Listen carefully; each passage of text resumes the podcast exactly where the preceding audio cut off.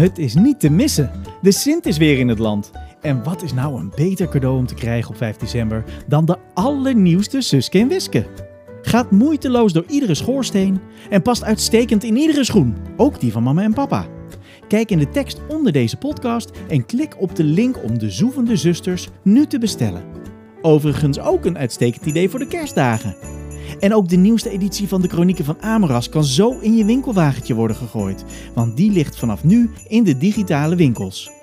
Leer meer over de broer van Lambiek, Arthur, die om onverklaarbare redenen kan vliegen. Hij is net een rendier, maar dan anders. Kortom, ideaal leesvoer voor de donkere dagen van december. Tot zover deze reclameboodschap. Laten we gaan beginnen met de podcast.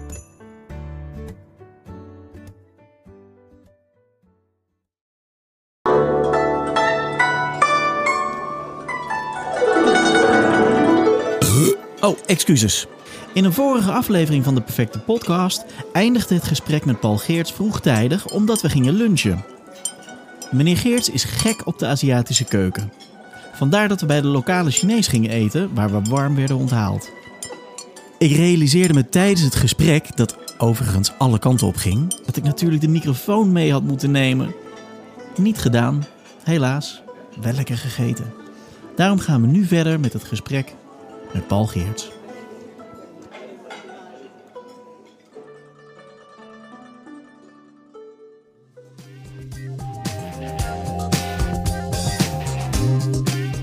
Welkom terug bij de Perfecte Podcast met Paul Geerts. Dit is het tweede deel waarin we de draad weer oppakken en het hebben over in de hoofdrol, de overgang van Paul naar Mark Verhagen, wordt vervolgd en nog veel meer. Heb je je nog niet geabonneerd op de podcast, dan kan je dat mooi doen tijdens het luisteren.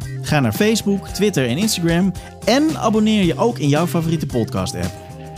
Veel plezier met Paul Geerts.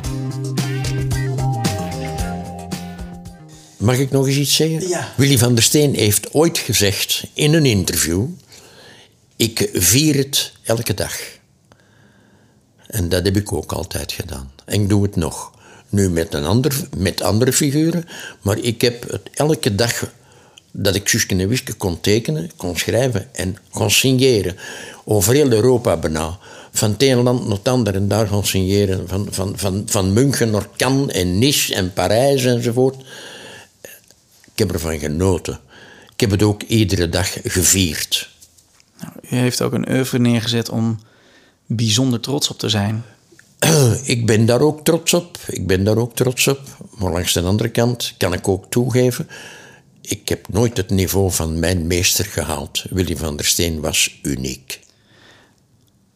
Nog- één laatste vraag over Van der Steen. En u, u, u, u spreekt zo eh, liefdevol en vol lof eh, over hem. Wat, eh, wat, wat, wat, wat was hij voor u los van eh, u, u- uw leidinggevende? Ik bedoel, ja. Mag ik er eens een voorbeeld van geven? Nou, graag. Ik zal er eens een voorbeeld van geven, los van het werk. Ik heb in mijn leven ook in een heel moeilijke periode gezeten en dan zat ik heel diep. Er is dan uiteindelijk een scheiding van gekomen. Met de moeder van mijn kinderen. We zijn nu de beste vrienden en we zien elkaar regelmatig en dat is leuk. Maar toen was dat, toen zat ik diep, zij ook. Hè. Iedereen heeft een schaduwzijde. En Willy van der Steen, ik had tegen hem niks gezegd. Willy van der Steen merkte dat in mijn verhalen. Dat het niet meer was zoals voordien. Hij merkte dat. En zag het ook aan mij.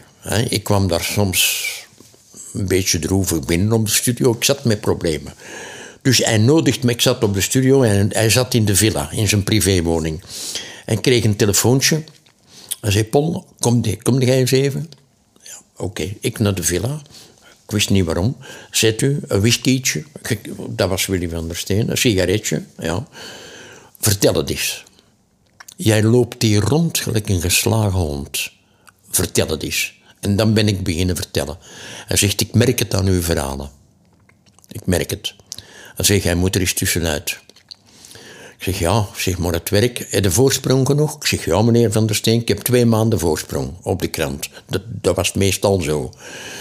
Hij zei, dan moet jij er eens tussenuit. Hij zegt, maar je moogt niet alleen gaan. En zijn voorstel was dat ik het zoontje van zijn tweede vrouw, die toen 12 jaar was, daar mocht ik 14 dagen mee naar Florida gaan. Je mocht niet alleen gaan, je moet je kop losmaken, je moet je kop leegmaken. Als je die kleine bij hebt, dan is dat uw verantwoordelijkheid. Daar moet aan denken. Ik ben met, die, met Axel, ik ben daar twee weken mee naar Florida gegaan. Disney World gezien, Epcot Center gezien, een auto gehuurd, rondgereden. Maar die kleine was bij mij, dat was mijn verantwoordelijkheid. Willy van der Steen heeft alles betaald. Dat was een cadeau van hem. En ik ben teruggekomen. Mijn kop was nog niet helemaal leeg, maar er was toch al een stuk van weg. Ja. Ik had dus een beetje op verhaal kunnen komen. Dat staat los van Susken en Wiske. Is dat vriendschap? Is dat, is, ik denk dat dat vriendschap is. Van mij naar hem toe in ieder geval. Ik denk dat wij vrienden, ik heb het nog gezegd, dat werd niet naar de buitenwereld geëtaleerd. Kijk eens hoe goede vrienden dan wij zijn. Nee, maar als we samen waren, dan merk je dat pas. Als er niemand anders bij is, dan merk je dat. Dan waren we vrienden. Maar dat is dus, dat is dus Willy van der Steen en ik, zo buiten, buiten al het werk en susken en wisken. De stille momenten, zal ik maar zeggen. De menselijke momenten, waar dat je elkaar kent, waar dat je elkaar aanvoelt. Toen zijn eerste vrouw is overleden, dat is in de villa gebeurd, thuis, is zijn eerste vrouw overleden. Dat was voor Willy van der Steen, ze was al lang ziek, maar dat was een schok op dat moment. Hij is naar de studio gekomen, in zijn bureel, naast waar dat wij zaten. En die riep, Paul, Paul. Ik ben onmiddellijk recht gestaan. Ik ben er naartoe gegaan. Ik heb hem vastgepakt. Ik wist, ik wist wat er gebeurd was. Maar hij riep naar mij. Hij riep mij. Ja, dat is dichtbij. Dat is, dat is vertrouwen. Ja, ja. Ja. De studio zat vol, we zaten er met z'n zessen. En ik hoorde hem roepen. Ik ben, onze deur stond altijd open. En die van hem stond ook open. Het is daarom dat ik hem hoorde. Ik ben er onmiddellijk naartoe gegaan. Ik heb de deur toegedaan. Ik heb hem eens vastgepakt. En ja, ik kon er niet veel aan doen. Maar zijn vrouw was overleden. Ja. Ik kan me voorstellen dat als je zo dicht op elkaar in zo'n ruimte... Je, je, voelt elkaar aan. Ja. En je, de, de een heb je dat wat meer mee met de ander. Maar dat, ja, dat is wel heel mooi dat iemand dan zo... Ja, als vertrouwenspersoon Ja. dan kan fungeren. Maar dan zei ik nog altijd tegen hem, al alleen in de auto zaten, meneer Van der Steen. Dat Altijd, is respect. altijd meneer Van der Steen. Altijd meneer Van der Steen. Dat is respect. Nooit Willy. Ja, één keer bij Mies Bouwman. het, was, het was eruit voor, voor ik er in had. Oh, Willy! Ik was zo emotioneel op dat moment dat ik Willy zei. Ik heb een verhaal, ik heb een verhaal gemaakt. Willy, eh, De hoofdrol Willy van der Steen.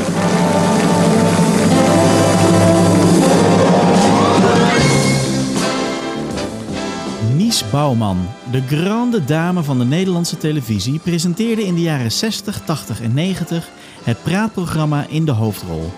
Daarin werden bekende gasten verrast door vrienden en familie uit hun verleden, die tevoorschijn kwamen door een deur op het podium. Daarna wisselden ze wat anekdotes uit en ging iedereen weer op een stoel zitten. Een kleine reunie voor de gast. Gasten als Johnny Kraaikamp, Lee Towers, Wubbel Okkels, Ron Brandstede, Willy Alberti en in 87 dus ook Willy van der Steen werden nietsvermoedend naar de studio gelokt. Vanavond in de hoofdrol de heer Willy van der Steen.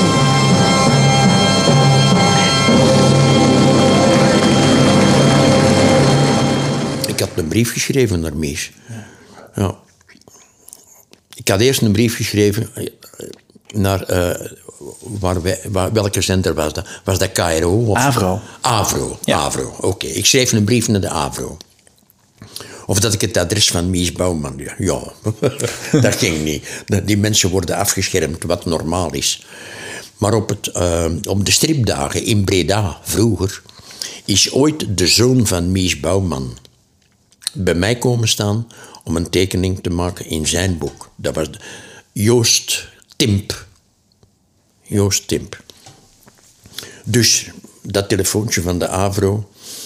Ik denk, oh, misschien, misschien vind ik een achterpoortje. Twee dagen belde ik opnieuw naar de Avro. Of dat ik het adres kon krijgen. Ik wist dat Joost Timp nog bij Mies thuis woonde, bij zijn ouders woonde. Of dat ik het adres kon krijgen van Joost Timp. Ik zei dat ik de tekenaar van Suske en Wiske was. En, en meneer Joost Timp was een fan. Ik wou hem iets opsturen. Ik kreeg dat onmiddellijk. En dan, en dan had ik het adres van Mies. En op dat adres heb ik dan een brief gestuurd. Willy van der Steen, die in Nederland heel, heel, heel populair was met zijn Suske en Wiske. Of dat hem eens niet in de hoofdrol mocht komen. Tien dagen later, ik zat toevallig, er was de vakantieperiode, zat ik helemaal alleen op de studio. En er was telefoon. Met Studio van der Steen, ik zeg, ja mevrouw, mag ik meneer Geest zeggen, daar spreekt u in mevrouw, het is Mies Bouwman. Alles werd, uh, ik kreeg het warm en koud tegelijk. Ze zegt, bedankt voor uw mooie brief, we doen het. Maar als het uitlekt, gaat het niet door. Voor hem moest het geheim blijven. Hè? Ja.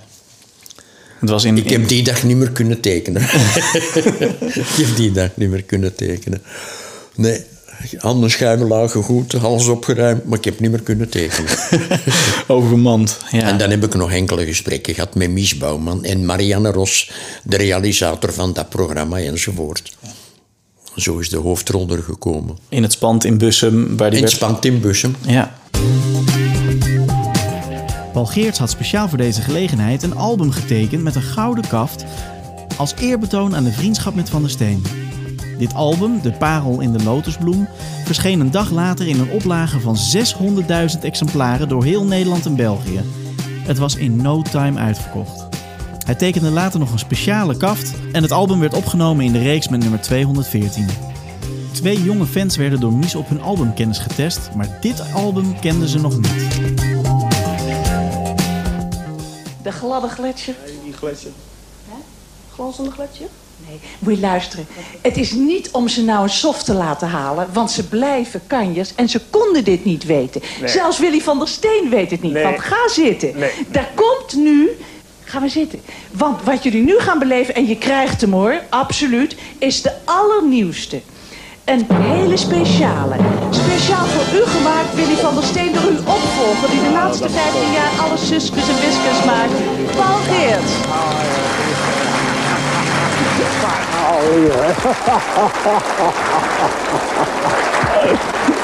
We hebben me nogal ingelogen. Ga het maar natuurlijk.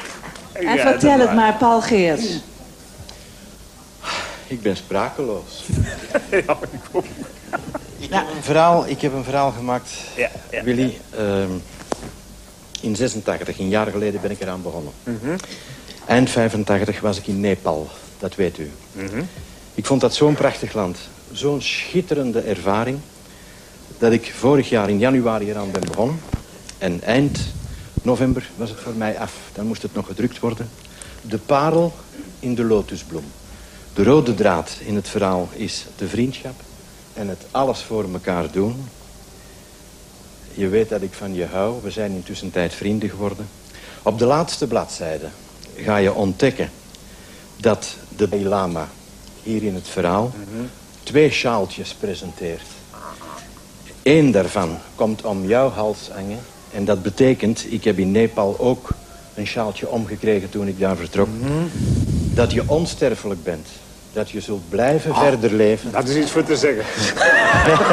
Dat is iets voor te zeggen. Dat je zult blijven verder leven in het hart van miljoenen lezers.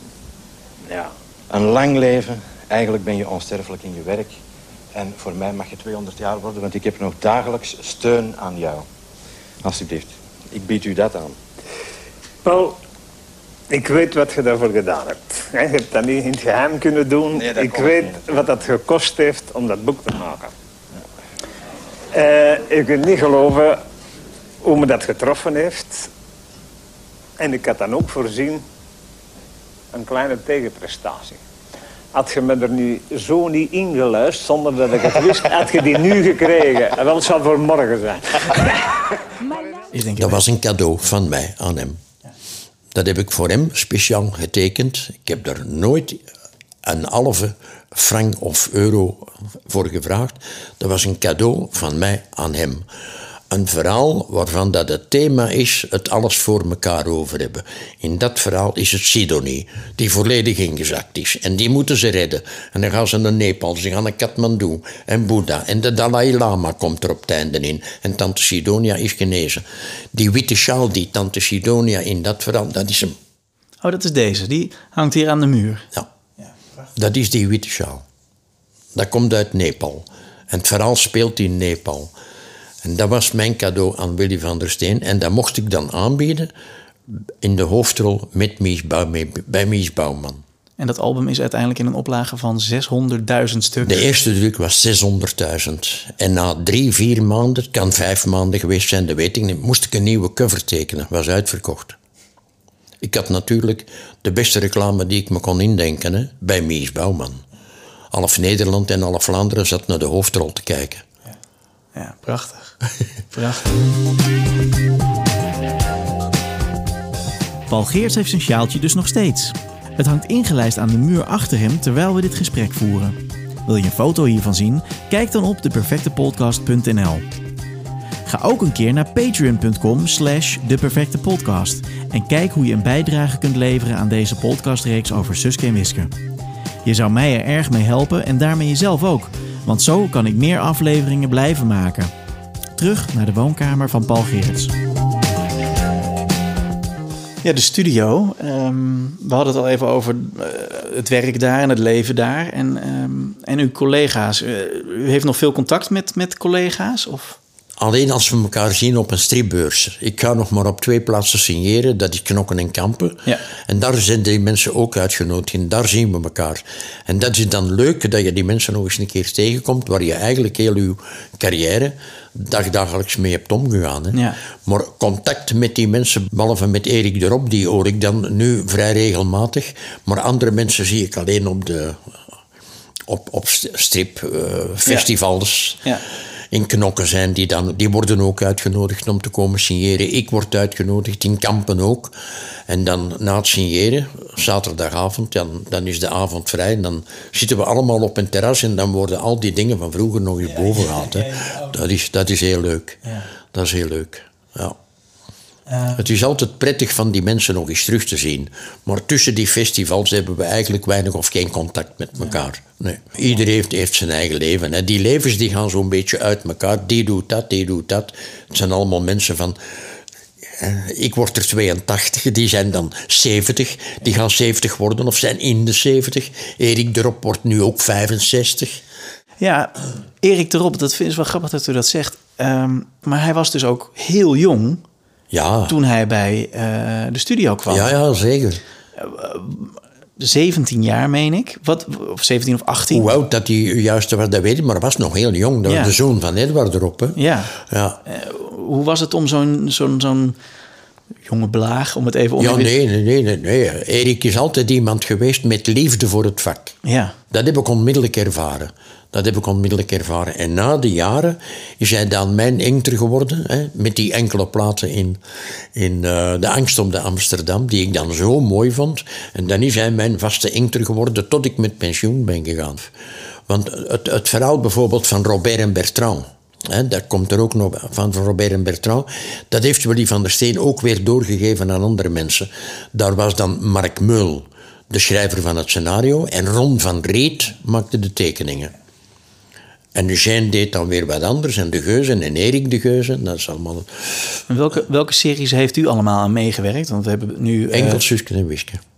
maar heeft toch ook... Heeft u, Jer- Jeroen heeft u ook aan... Jeroen, dat is iets... Dat was voor Duitsland.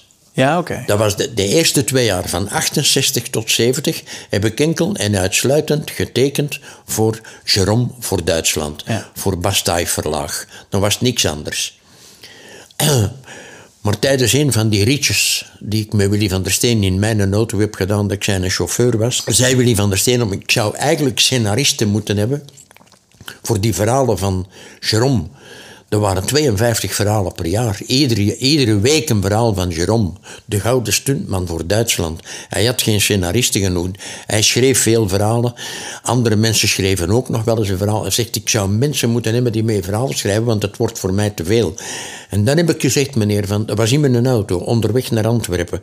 Ik zeg, als je het mij wil leren, wil ik proberen ook scenario's voor Duitsland van Jerome te schrijven. Zou jij dat willen doen? Ik zeg ja, heel graag.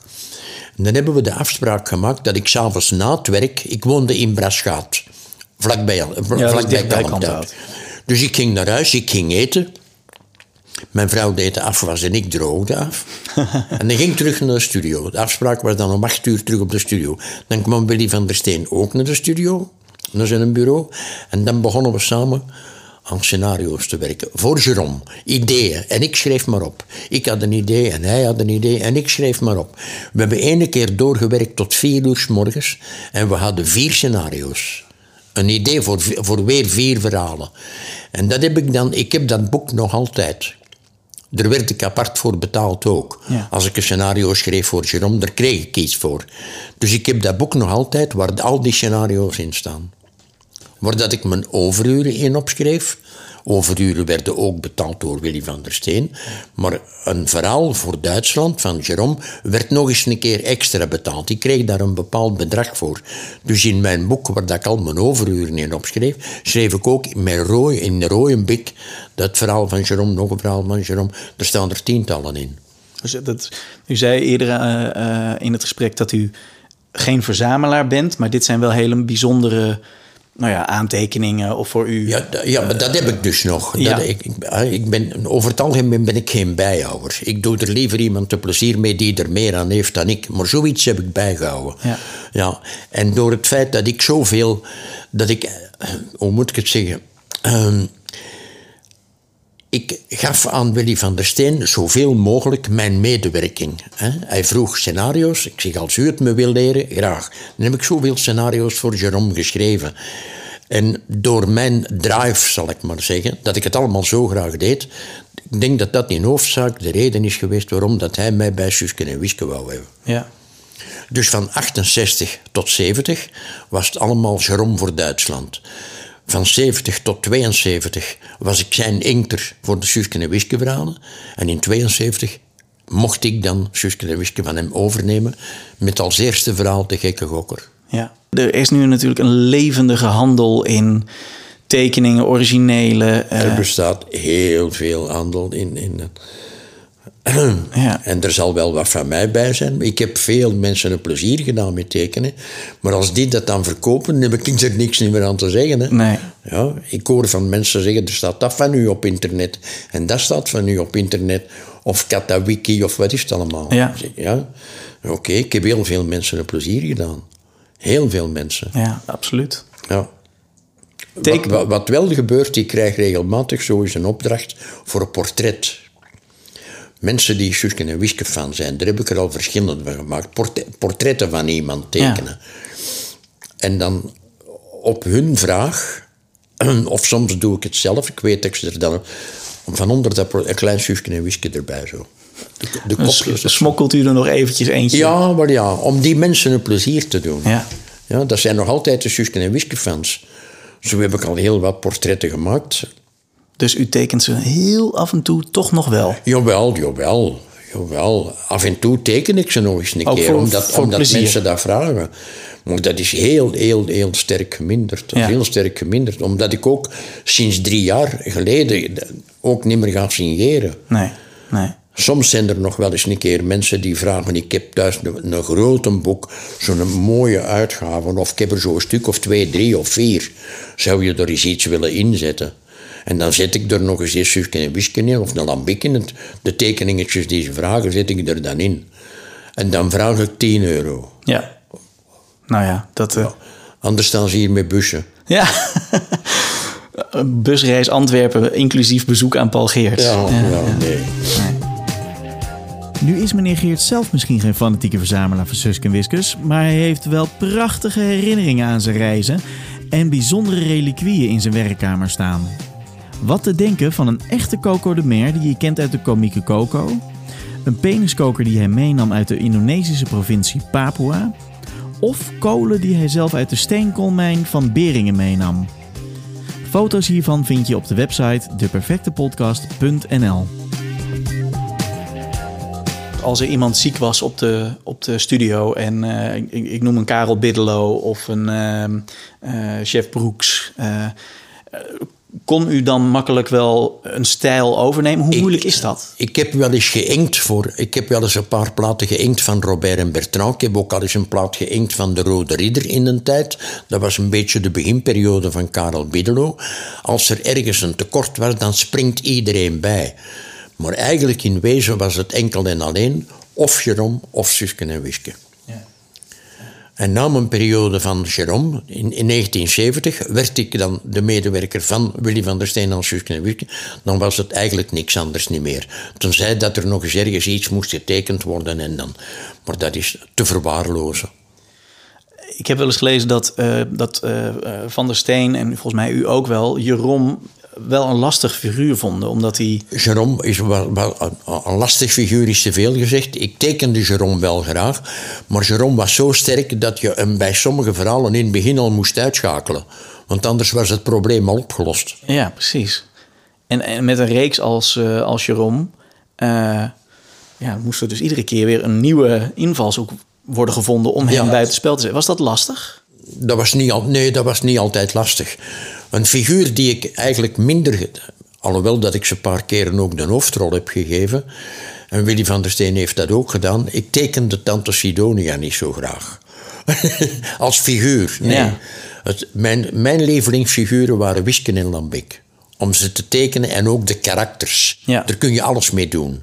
Wiske was nogal een, een opvliegend karakter. Ze kon heel lief zijn, maar ze kon ook de nezel uithangen. En.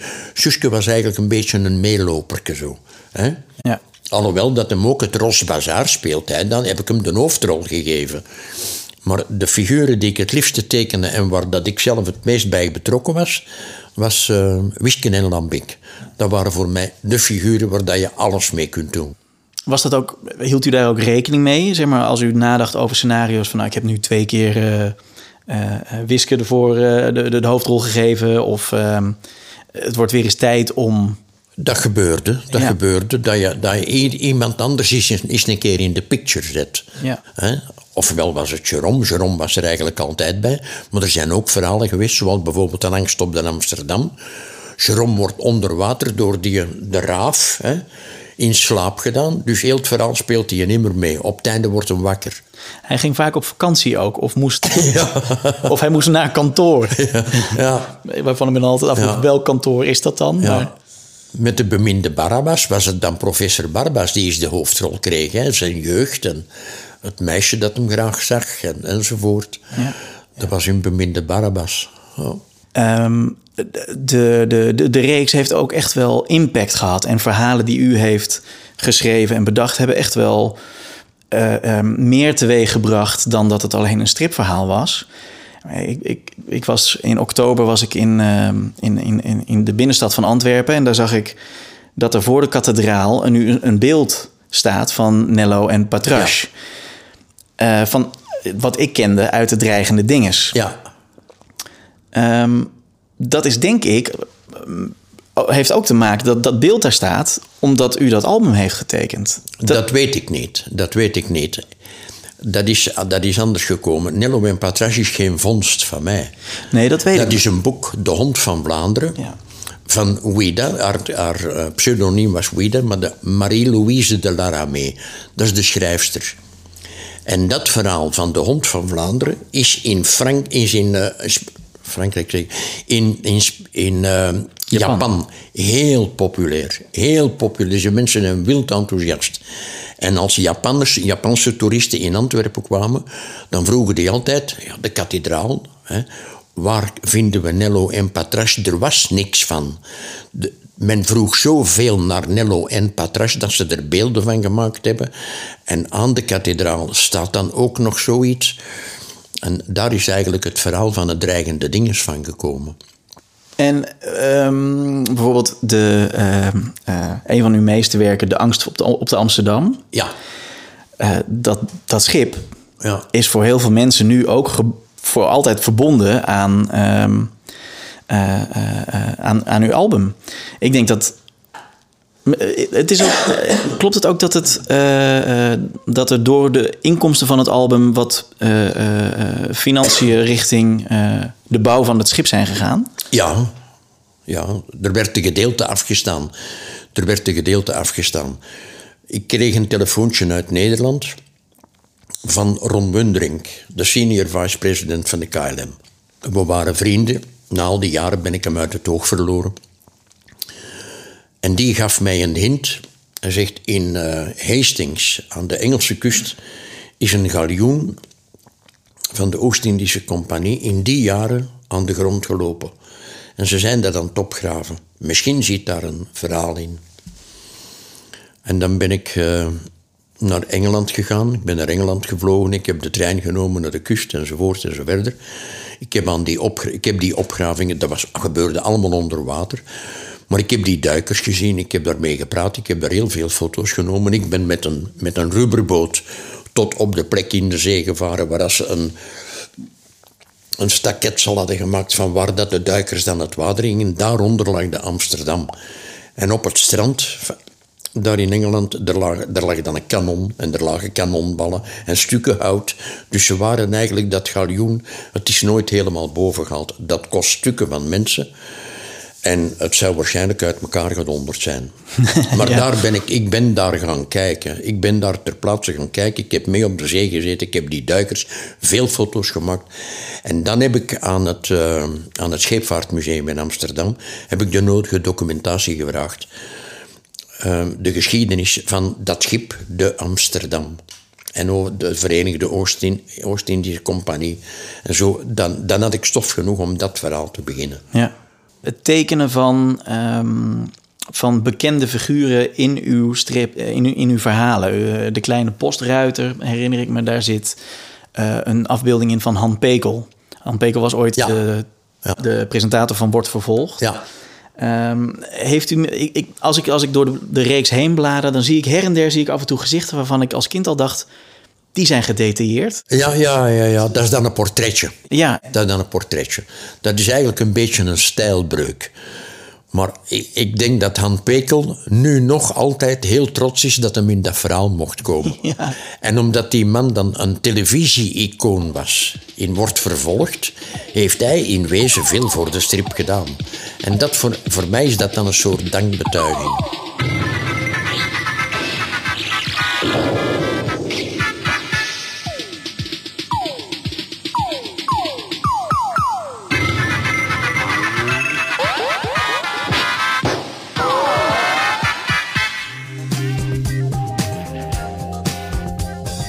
Mijn naam is Han Pekel en ik heb het genoegen bij u thuis te komen door middel van de perfecte podcast. Uh, in 1982, meen ik, 6 oktober 1982, uh, ging voor het eerst in de wereld een programma de lucht in, wat de titel had Wordt vervolgd. En dat was een televisie-magazine over tekenfilm en strips. Kijk, mijn persoonlijk meest bijzondere herinnering aan Suske en Wiske is het momentum dat ik door een journalist werd gebeld. En mij werd gezegd, uh, weet jij dat je in Suske en Wiske een rol had? Nou had ik ooit een jaar of twee daarvoor in een moment van olijkheid, geloof ik zelf, tegen Paul Geerts gezegd. Nou, het lijkt me het absolute einde als je een bijrol mag spelen in Suske en Wiske. En hij had ooit wel eens foto's opgevraagd, maar verder wist ik van niks. En tot mijn grote verrassing in de postruiter, als ik het goed zeg. De kleine postruiter. De kleine postruiter. Toen bleek ik daar toch een klein, maar niet onbelangrijk bijrolletje te hebben. En in de fysiognomie van mijn lijf en zijn uit die tijd zie je mij dan in Venetië van 300, 400 jaar geleden uh, een figurantenrol spelen. En er zijn grote mensen van grote faam die daar stingertje door zijn.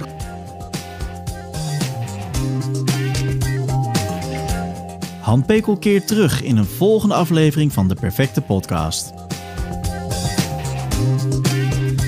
U heeft een, uh, een ring om uw vinger. Uh, met uw. Jij, jij, weet, jij weet van die ring iets? Nou, ik, ik weet dat u die heeft gekregen van Karel Biddelo. Ik heb die gekregen van Karel Biddelo. Karel Biddelo was de tekenaar van um, Rode, de Rode Ridder. Rode ja. Ridder. En Safari en zo. Dat, ja. dat, heeft hij ook overgenomen. Deze ring, ik heb die sindsdien nooit meer afgehad. Um, in 1994 in, in ben ik in Italië geopereerd van een hersentumor. Ehm, ik wist op voorhand dat ik 25% kans had om niet terug te komen. De mortaliteit bij dat soort ingrepen was 25%. Waarom ben ik in Italië geopereerd? De professor in het ziekenhuis hier in Antwerpen zei: Er is één probleem. Ik zie in België niemand in staat om die een tumor eruit te halen. Want die zat op een heel gevaarlijke plaats van achter in mijn hoofd. Aan de hersenstam, tussen al die zenuwen. Daar zat die een tumor aan vast. Ik zeg, dat is een probleem. Ik zeg, wie moet dat dan doen? Ik zeg, als er in België niemand in staat is. Hij er bestaat op de wereld een groepje van neurochirurgen die dat aankunnen. Die zijn met 40, 50 over heel de wereld. Die kunnen dat. Ik zeg, ken, ken jij die dan? Dan zeg ja, sommige ervan ken ik, want ik ga naar hun congressen. Hij ging er naartoe ook om bij te leren. En dan heeft hij mij een dossier naar vijf landen in Europa gestuurd: Frankrijk, Zweden, Duitsland, Zwitserland en Italië. De eerste die reageerde was uit Zwitserland. Wachttijd anderhalf jaar. Dat ging niet. Die mannen nemen het heel druk, hè? Ja. De tweede die reageerde, wachttijd zeven maanden. En de professor in het ziekenhuis hier had gezegd, omdat ik vroeg, is die operatie dringend? Hij zegt, nu niet. Die tumor was twee centimeter. Hij zei, nu niet, maar die moet eruit en die groeit. Hij zei, binnen een half jaar, dan wordt het dringend. Dus uit Italië, wachttijd zeven maanden. Hij zei, oké, dat kan nog net. Dat is haalbaar, ja. Dan ben ik daarachter in Italië nog eens door de scan gegaan. Dan was die 4 centimeter, 4 centimeter en al een serieuze tumor. Dus die moest eruit. En daar is ze eruit gehaald. En hier zit het resultaat. Nou ja, gelukkig. Er blijft een beetje van over. Ik heb maar één stemband. Aan de rechterkant ben ik praktisch doof. Maar dat wist ik allemaal op voorhand. Maar ik ben er goed doorgekomen. Het, het heeft ook een album opgeleverd. Om Suske en Wiske... Om, ja, robotkop. ja. Ik had dat tegen mijn collega's op het werk gezegd. Er waren heel weinig mensen die dat wisten. Op de standaard wist niemand dat ik naar Italië moest om geopereerd te worden. Niemand wist dat. Maar uw collega's Lilian Govers en Mark Vragen, die wisten dat wel. En uiteraard uh, de boekhouder, meneer De Meijer, Willy van der Steen was er al niet meer, was Nee. vier jaar ervoor overleden.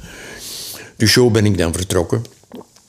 Ehm er ontsnapt me iets. Eh, Robotkop. Ik, Ja, u vertelde over... eh, eh, ja, ik, dat, had er dat tegen, ik had dat tegen mijn collega's op de studio gezegd. Zeg, als ik terug, als ik kan terugkomen, als ik terugkom, ga ik een verhaal over maken.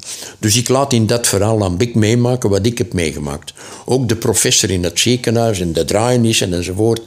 Totdat hem in Italië, Casa di Cura, via Emanuele, de straat. Ja, totdat hem daar ehm, geopereerd wordt. En dan komt de maffia ertussen. En dan plaatsen ze een chip onder zijn ner en dan wordt hem eigenlijk robotkop. Ja. Ja.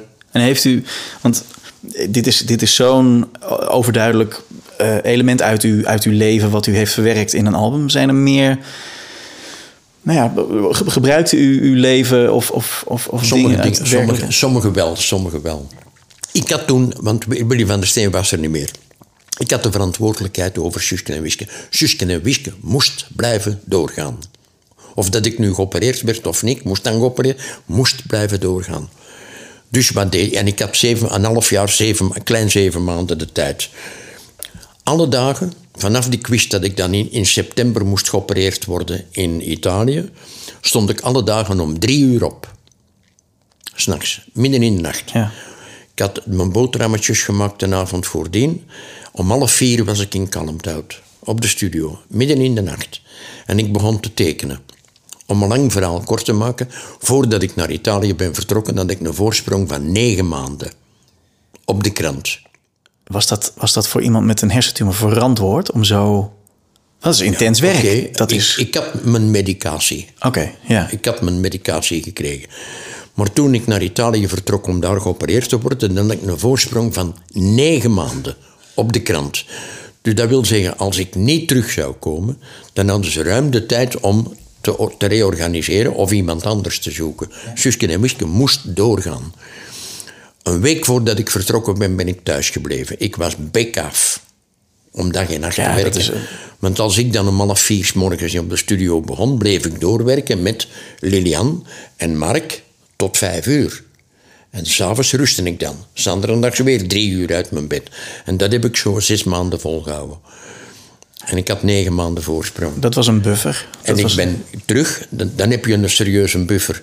En ik ben teruggekomen uit, ik ben teruggekomen uit Italië. En dan had ik ineens een, ne- dan moest ik het kalm aan doen na die operatie. Maar ik had een voorsprong van negen maanden. En was, want eh, was Mark toen al de beoogde opvolger? Of werd nog aan... niet. Toen nog niet. Nee, Maar- dat is later gekomen. Dat is later gekomen. Dat is later gekomen, ja. Na die, eh, na die brief, de man die verantwoordelijkheid, eh, de verantwoordelijk was voor de strip bij de uitgeverij, na die brief, ehm, dan is dat stilletjes aan een beetje afgezwakt. En dan begon Mark een beetje naar voren te komen. Ja. Ja. En dan in 2002 ben ik dan met pensioen gegaan. Dan is het Mark geworden, maar dat heeft niet lang geduurd. Ik denk amper twee jaar. ja, volgens mij 2005, 4, De 5. Gingen pijlsnel naar beneden. Niemand begreep zijn scenario's. Eh, en dat is, dat is misschien mijn voordeel geweest. Voordat ik Suske en Wiske van Willy van der Steen heb mogen overnemen, heb ik zijn verhalen eh, opgezogen als een spons. Ik ben niet Willy van der Steen. Ik heb nooit zijn niveau gehaald, vind ik zelf. Maar ik heb ervoor gezorgd dat ik in zijn geest zijn verhalen bleef, de verhalen bleef schrijven. Ik deed mijn best aan het artwork, de tekeningen. Dus en de mensen, de lezer, heeft ook mijn, mijn verhalen geapprecieerd. Want de oplagen gingen van 100.000 naar 400.000. En daarna dus weer naar beneden. Maar eh, En er, nu, eh, ik, ik, ik ken de oplagen niet meer, maar ik denk dat het nog maar een vierde is. ja. En Ja, maar ik weet het niet. Ik, weet Nee, ik, dat- ken de, ik ken de oplagen niet. Ik ken de oplagen niet. ik heb het idee dat het ook het, het, het grote geheim is van, van eh, de uitgeverij op het moment. Ja, een uitgever zegt, zegt nooit iets over zijn oplagen, maar ik, ik, ik, Nee. ik ken de oplagen niet. Ik, ik, heb, ik heb geen idee. Ik heb geen idee. Een podcast als deze heeft geen oplagers, maar luisteraars. Luisteraars, volgers en abonnees. Een aantal van hen heeft op iTunes een recensie achtergelaten en die wil ik bij deze dan ook even graag bedanken. Thijs van Liemt zegt bijvoorbeeld... Een heerlijke podcast voor iedereen die van Suske en Wiske of van strips in zijn algemeen houdt. Een aanrader. Roy Schepers is ook fan en zegt teruggesleurd te worden in de wereld van Suske en Wiske. Edwin Gravenkamp roemt het fijne ritme in de gesprekken en voelt zijn Suske en Wiske hart sneller gaan kloppen na het luisteren van de afleveringen. Luister jij nou ook met veel plezier? Ga dan ook even naar iTunes en laat me weten wat je ervan vindt. Terug naar het gesprek. U heeft van Van der Steen heeft u veel geleerd, ook over het scenario schrijven en de manier waarop je een verhaal Ja. opbouwt, structureert. Ja. Een spanningsboog in die twee strookjes die in de krant Ja. kwamen dagelijks, een cliffhanger erin. En ja. Heeft u ook zo eindigen, met... eindigen met een vraagteken enzovoort. En ja, Ja. dat heb ik van hem geleerd. Hij moet, moet er de spanning in houden. Dat lukt niet om de halve bladzijde. Dat lukt niet altijd. Maar hij zegt in de mate van het mogelijk moeten de spanning erin houden. Vandaag stelt er iemand een vraag, morgen krijg je het antwoord. En heeft u ook zo, zoals Van der Steen dat met u deed, heeft u ook zo met, met Mark gewerkt? Dat, dat er een soort leermeester-leerlingrol We hebben dat- was? We hebben, we hebben dat samen eens gedaan. Ik, dat, dat was eigenlijk meer een test voor hem. Als ik dat met Mark doe, zoals ik het wel eens met, met Willy van der Steen heb gedaan, dan zien we dat er dan uit de bus komt. En er zijn een paar verhalen geweest waar dat ik... Maar hoe, hoe, hoe meer dat ik naar mijn, naar mijn 65 jaar toe ging, heb ik eigenlijk Mark zo stilletjes aan de vrije teugel gegeven. Ja. Omdat men in Mark, de man die verantwoordelijk was voor de strips op de standaard, en de erven van der Steen, geloofde in Mark. Dat was de coming man. Nu ging het allemaal veel beter zijn. Maar dat is het niet geworden. Nee. Helaas. Nee, het heeft, het heeft kort geduurd. Dat is, eh, Maar ja, hij staat wel in een illuster rijtje van tekenaars. Als we, als we ehm, kijken naar de stijl. Uw, uw, ja, iedere, iedere tekenaar heeft een, een, een, een, een eigen signatuur in zijn werk zitten. Ehm, welke toevoeging heeft u kunnen doen of welke stijlverandering is herkenbaar voor, u, voor uw werk? Ik heb mijn hand. Ik heb niet de hand van Willy van der Steen. Ik heb niet de fantasie van Willy van der Steen. Willy van der Steen is een, voor mij is die uniek, maar zo ben ik niet. En dat zie je ook in het tekenwerk. Het heeft voor mezelf enkele jaren geduurd dat ik zelf tevreden was over de figuren van Suske en Wiske die ik tekende. Dat heeft een paar jaar geduurd. En dan dacht ik, uh, ik geloof dat dat was het verhaal van de gladde glipper. En ik had daar een cover voor getekend.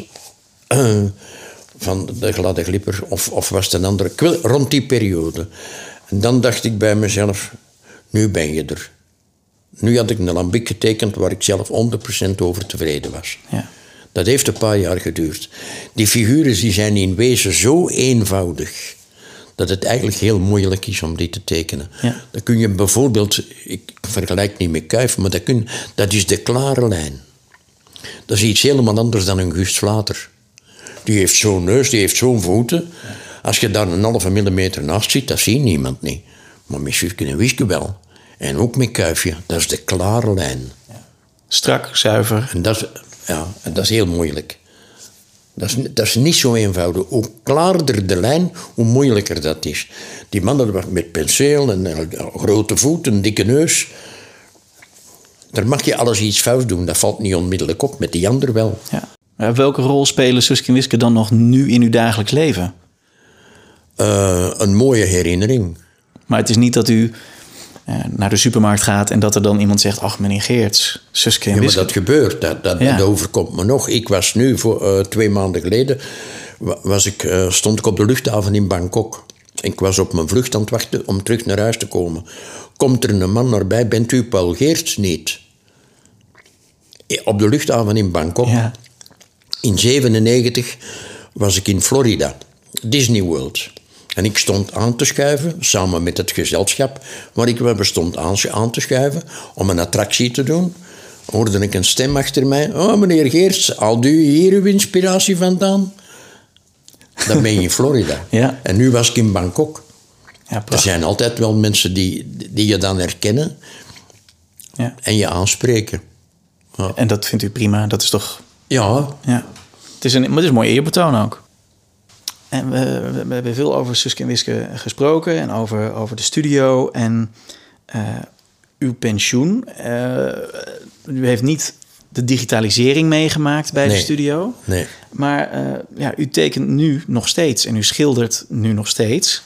Ehm, u heeft uw eigen reeks en u bent net terug uit eh, Thailand, waar u weer een nieuw verhaal. Heel Zuidoost-Azië. Ja, Dat zijn twee Vietnamese kinderen en een klein draakje.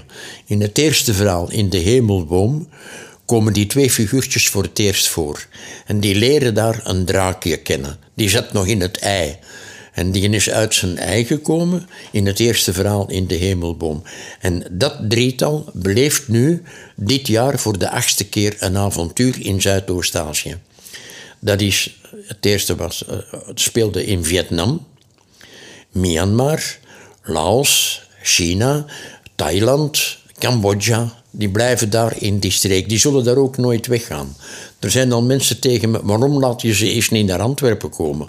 Wat moeten twee Vietnamese kinderen en een draakje in Antwerpen komen doen? Die blijven daar. Omdat het ook altijd iets te maken heeft met de cultuur van daar. Met het landschap van daar als, als, het, als het gaat om het verhaal van Laos, dan komt daar de grot in. Ze bezoeken dat dan. Eh, van de, van de 10.000 boeddha's. Ik ben in die grot geweest. Ik heb met een boot over de Mekong gevaren. Ik heb die raceboten zien voorbij komen, waar dat Mohenjaden ook mee varen in mijn verhalen. Eh, Laos is een, is een eh, die- dat, die- dat zijn kunstenaars met de weefkunst, de Laotianen. Dus dat komt daarin. Een klein meisje zit aan een weefgetouw en maakt de mooiste dingen. Dat zijn allemaal kleine zaken die je eigenlijk verwerkt in uw verhaal. Een verhaal moet geen toeristische folder zijn, dat hoeft niet. Maar de eigenheid van het, land en de mensen en het volk speelt dan een rol. De locatie speelt een rol. En zo is dat in Thailand. Het verhaal dat ik nu net geschreven heb en dat ik opdraag aan mijn achterkleindochter, het verhaal van Alice, speelt in het zuiden van Thailand. Waar in 2004 die een tsunami op het eiland Koh Phi Phi bijna alles verwoest heeft en En waar meer dan duizend families uh, slachtoffer van geworden zijn. Dat verwerk ik in mijn verhaal in een paar lijnen. En misschien in een tekening. Maar dat is iets wat u. Uh, ik grijp toch even terug naar Suske Wiske. Dat is ook iets wat u in uw uh, verhalen uh, van Suske en Wiske ook altijd deed. Ja. het, het, was niet een, um, een, een, een, geschiedenisles, maar er zat altijd wel een, nou, een, een anekdote of een ja, historisch feit in. Ja, de, de, link werd altijd gelegd. Bijvoorbeeld het verhaal van de kleine postruiter. Die route die heb ik met een auto gedaan van Brussel tot in Innsbruck in Oostenrijk. En al die plaatsjes die men vroeger te paard heeft, heb ik met een auto gedaan om foto's van te maken. Dus heel die route kun je volgen. De, de directeur van de filatelie, ja, postzegel. de postzegel, hè, die komt daarin. Jo, Jo, ik ben zijn naam vergeten. In het begin van het verhaal komt hij daarin. Zo gaan ze dan met de teletijdmachine naar de tijd van toen. Ja. De, de aanleiding van dat verhaal was, men vierde in België 500 jaar posterijen. En dan maakt mij dat nieuwsgierig. Hoe is dat ontstaan? Dan ben ik naar het Postmuseum geweest in Brussel. Ik heb mijn bezoek aangekondigd op voorhand en gevraagd of dat ze nu wat documentatie hadden.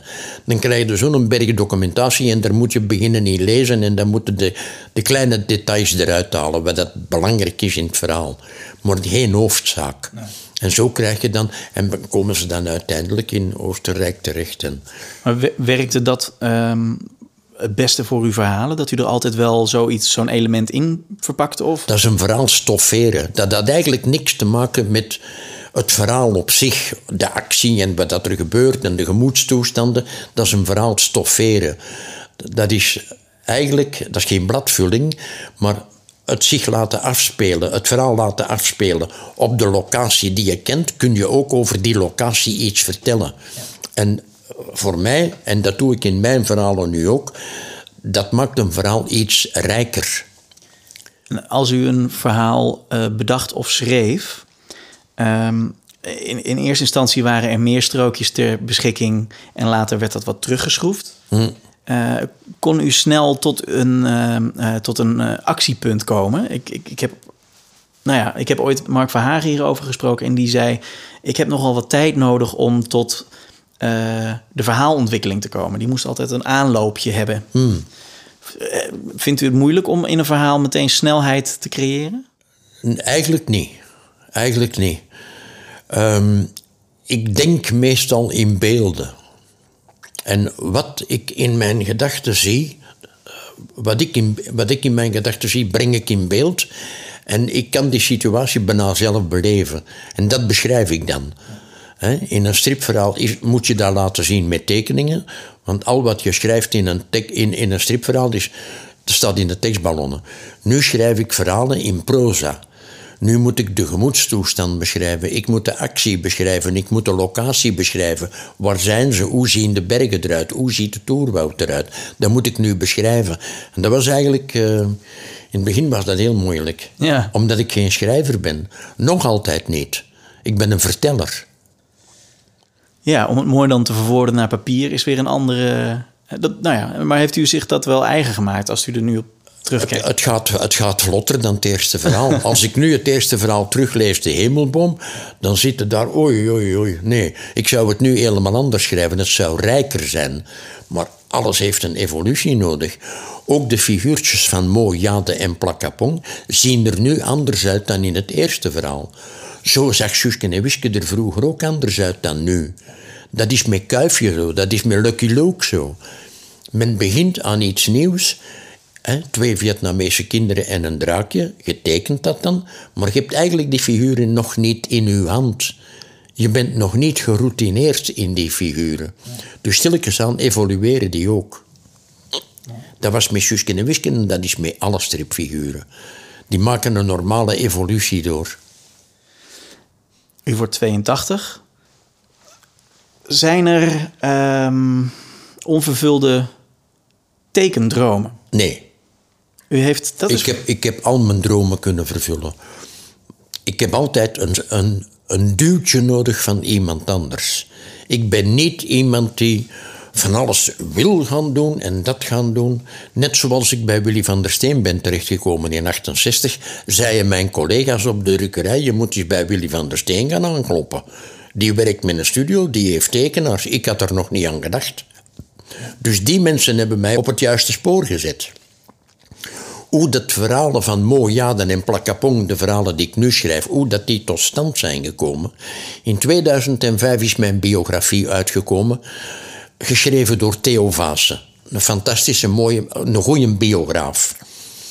Eigenlijk wou ik in mijn biografie nog een Suske en Wiske verhaal zetten. Nog eens een hommage aan Willy van der Steen. Ik wou het gratis en voor niks doen. In mijn biografie, ik een hommage brengen met een Suske en Wiske verhaal aan Willy van der Steen nog eens. Dat werd geweigerd. Ik was nu met pensioen en laat het nu maar zo. Maar ik had de ruimte in dat boek. Dus ben ik eigenlijk gaan denken aan nieuwe figuurtjes. Ik was pas in Vietnam geweest. Ik had Vietnam gezien, ik had Halong Bay gezien, ik, had, ik was in, in, in, in Da Nang geweest, ik was in Hanoi geweest.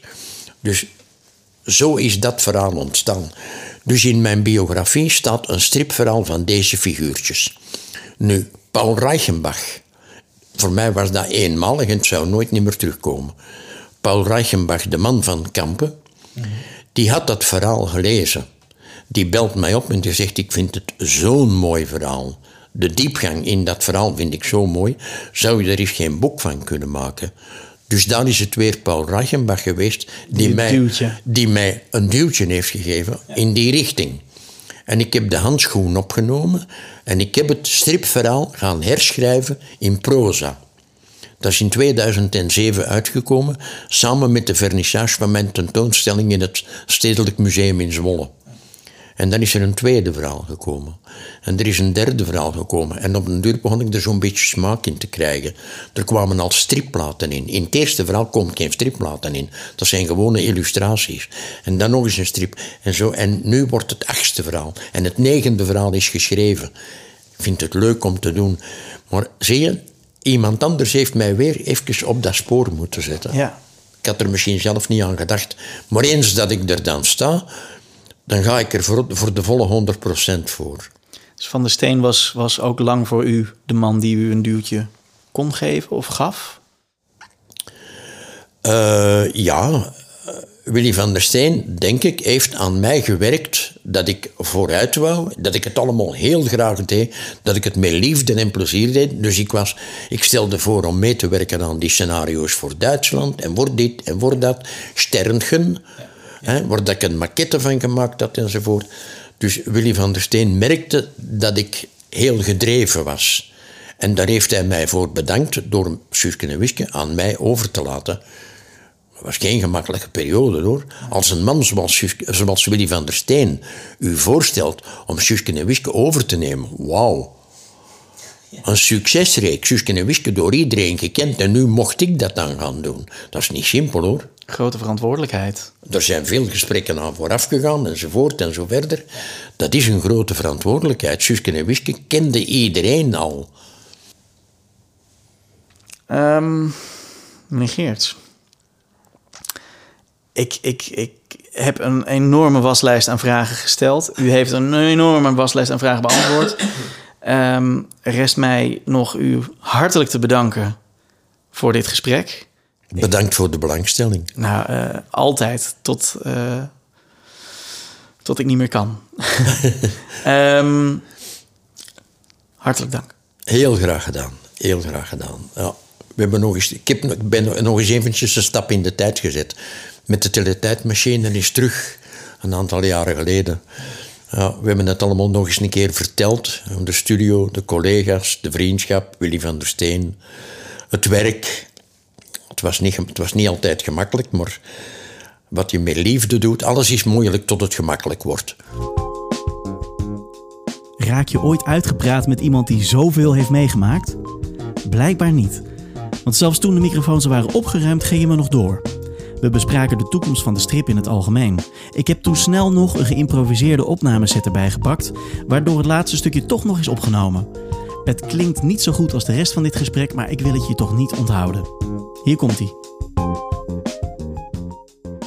Eigenlijk, we hebben het nog niet gehad over ehm, de strip in zijn algemeenheid. Ehm, er, wordt minder, er worden minder strips gelezen dan vroeger. De, de, de, de zoals je al eerder zei, uh, lopen, liepen terug, lopen terug. Ehm, hoe ziet u de toekomst van de strip?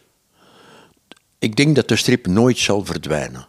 Er zijn nog altijd mensen die het appreciëren en graag een stripboek in hun handen hebben. Maar de wereld verandert zo snel. De jeugd, wij zijn allemaal opgegroeid met Suske en Wiske. En nog één of twee generaties na mij zijn ook nog opgegroeid met Suske en Wiske. En die lazen nog een album. En met alle strips is dat hetzelfde. Nu leven we in een digitale wereld. Je kunt van Suske en Wiske heel veel te weten komen, ook via uw smartphone, via uw tablet enzovoort. De wereld is veranderd. De oplagen van de boeken. Ik, weet, ik ken de oplagen niet, maar dat het er niet op vooruit gaat, dat, moet ik, dat verwacht ik ook niet meer. En dat is met alle strips hetzelfde. Ik hoor van andere striptekenaars dat het magerder en magerder wordt, bij wijze van spreken.